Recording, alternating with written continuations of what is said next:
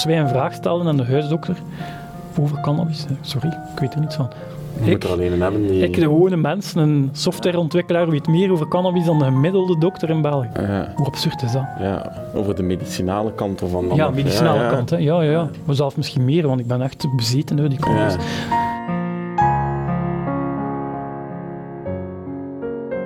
Hey, je gaat straks kijken of luisteren naar eh, het gesprek dat we hebben gehad met Cliff Ophalvens.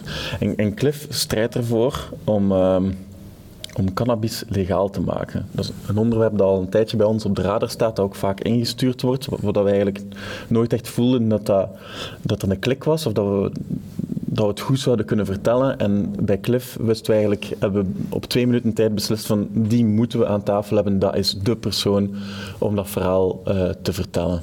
Wat vond jij van het gesprek, Tom? Eh, ja, prachtig verhaal. Vooral. Ehm praat vijf minuten met, met Cliff en je merkt dat die gast geen, geen slechte splinter in heel zijn lichaam is. Dat het echt een super lieve, schone mens is.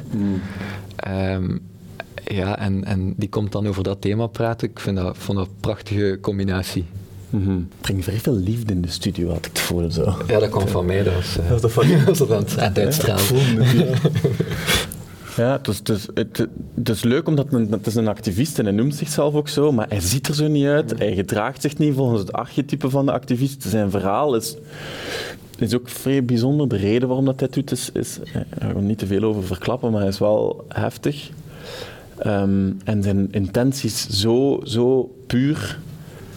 Ja. Als ik ooit al twijfel gehad zou hebben over de legalisering van cannabis, dan is die nu volledig uh, gesmolten. Ja.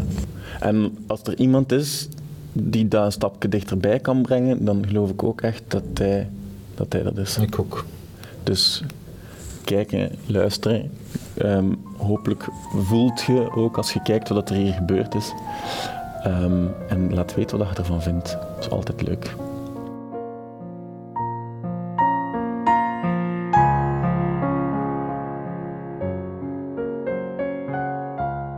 Dat is eigenlijk heel subtiel begonnen met eigenlijk uh, haar handen die begonnen samentrekken. Die kreeg zo spasmen. Maar dat was eigenlijk in, in periodes dat ze heel veel stress had. Ja, dus, ja. dus de dokter zei, ja, dat werd eigenlijk van tafel ja. geveegd. Um, ze zeiden van ja, je moet meer ontspannen, dat is hyperventilatie. Er was niets aan de hand. En wij dachten, oké, gelukkig, er is niets aan de hand. Totdat, uh, ik denk drie, vier jaar later, mijn vrouw opeens, um, op een avond, we waren uitgegaan, we hadden iets gedronken, maar ze had precies um, een dronkenmansloopje, like dat ze zei. Ze zei, ik zeg, nee, je hebt toch zoveel niet gedronken? ja, ja, maar ik moest er echt uh, alleen vasthouden en, en recht houden. En de Hanse baan door Gent, we woonden toen in Gent, van, van onze vrienden naar ons appartement, heb ik haar moeten ondersteunen. En ik dacht van, oei ja, de, de politie hier in Gent, ze gaan ons tegenhouden voor openbaar dronkenschap of zo. En we wisten totaal niet wat er aan de hand was. En dan is dat eigenlijk altijd maar erger Ja, maar dat, dat, ja, staat, dat, dus, staat dan 's ochtends op de dag daarna? Ja. Wat, wat, wat, is dat dan? Dat, is weg, dat was weg dan? Of dat? Nee, dat bleef. Toen is dat eigenlijk... Uh, we wisten niet wat dat was natuurlijk. Hè. Uh, ja, nee, zij kon eigenlijk niet goed meer stappen en dat werd alsmaar erger en erger en erger.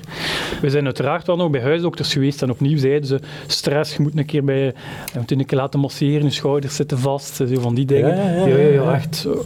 We hebben dan zelf een afspraak gemaakt met de neuroloog, geen doorverwijzing gekregen. En dat was direct duidelijk, uh, hersenscan, heel veel uh, hersen, allee, littekenweefsel in de hersenen. Dat zijn eigenlijk allemaal witte vlekjes die je dan ziet op de, de, de foto's, de NMR die ze nemen van uw hersenen. Um, hetzelfde in de ruggengraat, allemaal on, ontstekingsreacties in het ruggenmerg dat ze zagen. En dan ja, zeggen ze, ja, het is, het is MS. En dat was een bom die insloeg hè, natuurlijk. Ja. Ik denk, mijn vrouw was toen 5 of 26 jaar, ik 27.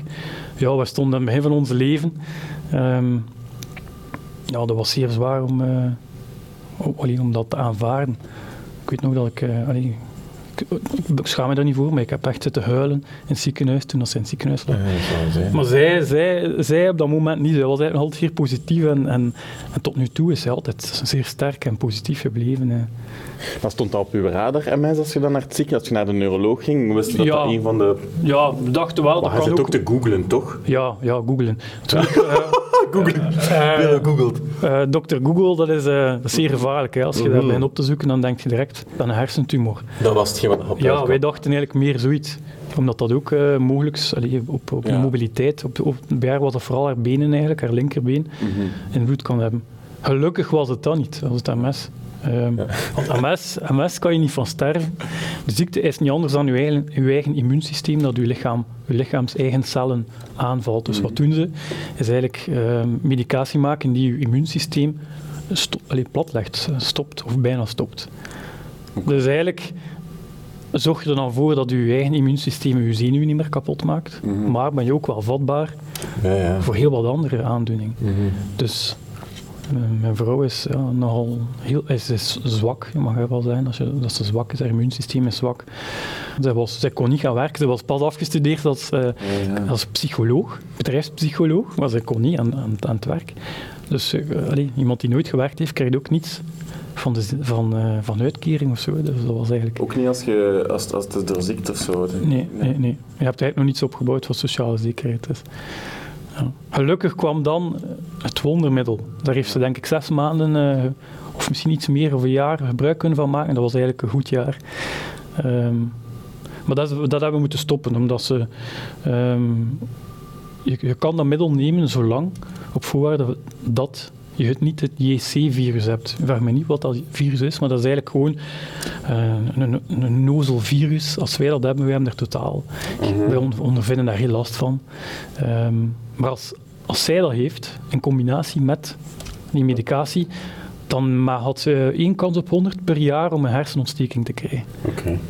Eén kans op drie om te sterven, één kans op drie om gehandicapt te zijn voor heel je leven, en één kans op drie om, om er eigenlijk niets aan over te houden. Dus wij hebben toen gezegd, nee, we stoppen ermee. Dat is ons... Ja, als, als je leven op het spel staat. Mm-hmm. Um, ja. Dus je denkt, die ziekte, ja, er is veel aan te doen, er is Ja. veel medicatie. Zo, zo, zo zijn je daaraan gestart als je het, Ja. eh, als je het verdikt Ja, kreeg. ja. Maar eigenlijk redelijk positief, omdat, omdat je dacht van er zijn zoveel behandelingen. Ja, dat krijg je ook te horen van de dokters. Hè. Ja. Um, en bij veel mensen slaagt, slaagt dat ook, slaat dat ook aan, hè, die medicatie direct. Uh, maar bij Amelie, uh, zij heeft een, een zeer agressieve vorm van MS. Ja. Ja. Dus, uh, Ja, dat is ook dat goed. uh, ja, dan dat je zo'n map en dan zijn je een beetje optimistisch en krijg je Ja. gewoon meer mappen. krijg je weer een map. En door, al, en door al die mappen ben ik eigenlijk in een soort burn-out terechtgekomen. Ja, je hebt ook een tijdje thuis Ik gezeten. heb uh, bijna een jaar thuis gezeten. Ja. Amai, gaat twee dan. Ja, maar toen zaten altijd ziek op de zetel. Goeie sfeer Goeie sfeer. Oh, amai, dat, was, uh, dat was verschrikkelijk. Dat was verschrikkelijk. Ja, jong. Ja, ja, een zware periode. Toen zijn we snel volwassen geworden en snel Ja. We hebben ze geleerd van, van het leven te genieten, ik ga het zo zeggen. Ja. Wat doe je dan in dat jaar, jong? Dat, ja. Dat is, dat is, dat is, als ik dat mag zijn, dat is om zot te komen. Dus ik ben eigenlijk, ja, hoe, hoe, hoe, hoe krijg je een burn-out? Dat is, uh, veel mensen denken van, ja, dat zijn mensen die zwak zijn. Dat is een hal. Ja, ja. Ah, uh, maar dat is niet waar. Dat zijn mensen die eigenlijk perfectionisten, uh, Ja. zijn mensen die blijven gaan, die eigenlijk de, de signalen die je krijgt van je lichaam, van nee, dus stop, het is te veel, dan, dan negeer je. Um, ik kon natuurlijk niet anders dan negeren, want, want Amelie was ziek. Ik, ik, moest er zijn, ik moest, moest thuis alles doen. Hè. Ik moest gaan werken, moest huishouden doen, moest koken, ik moest, ik moest alles doen, de was en de plas. Um, het gevoel van, oei, ja, ik ga mijn job kwijtraken. Dat is niet gebeurd gelukkig. Mijn, mijn werkgever is echt uh, een van de beste werkgevers in België, denk ik. Ik heb, een, ik heb hen al veel gezegd. Uh, veel wil zeggen dat het in de pocket is. Ja, ja, ja, ja, in de pocket. Voilà. Omdat ze zo lief zijn geweest voor. Fantastisch bedrijf. Echt uh, fantastische mensen. Dat is wel schoon. Absoluut, ja.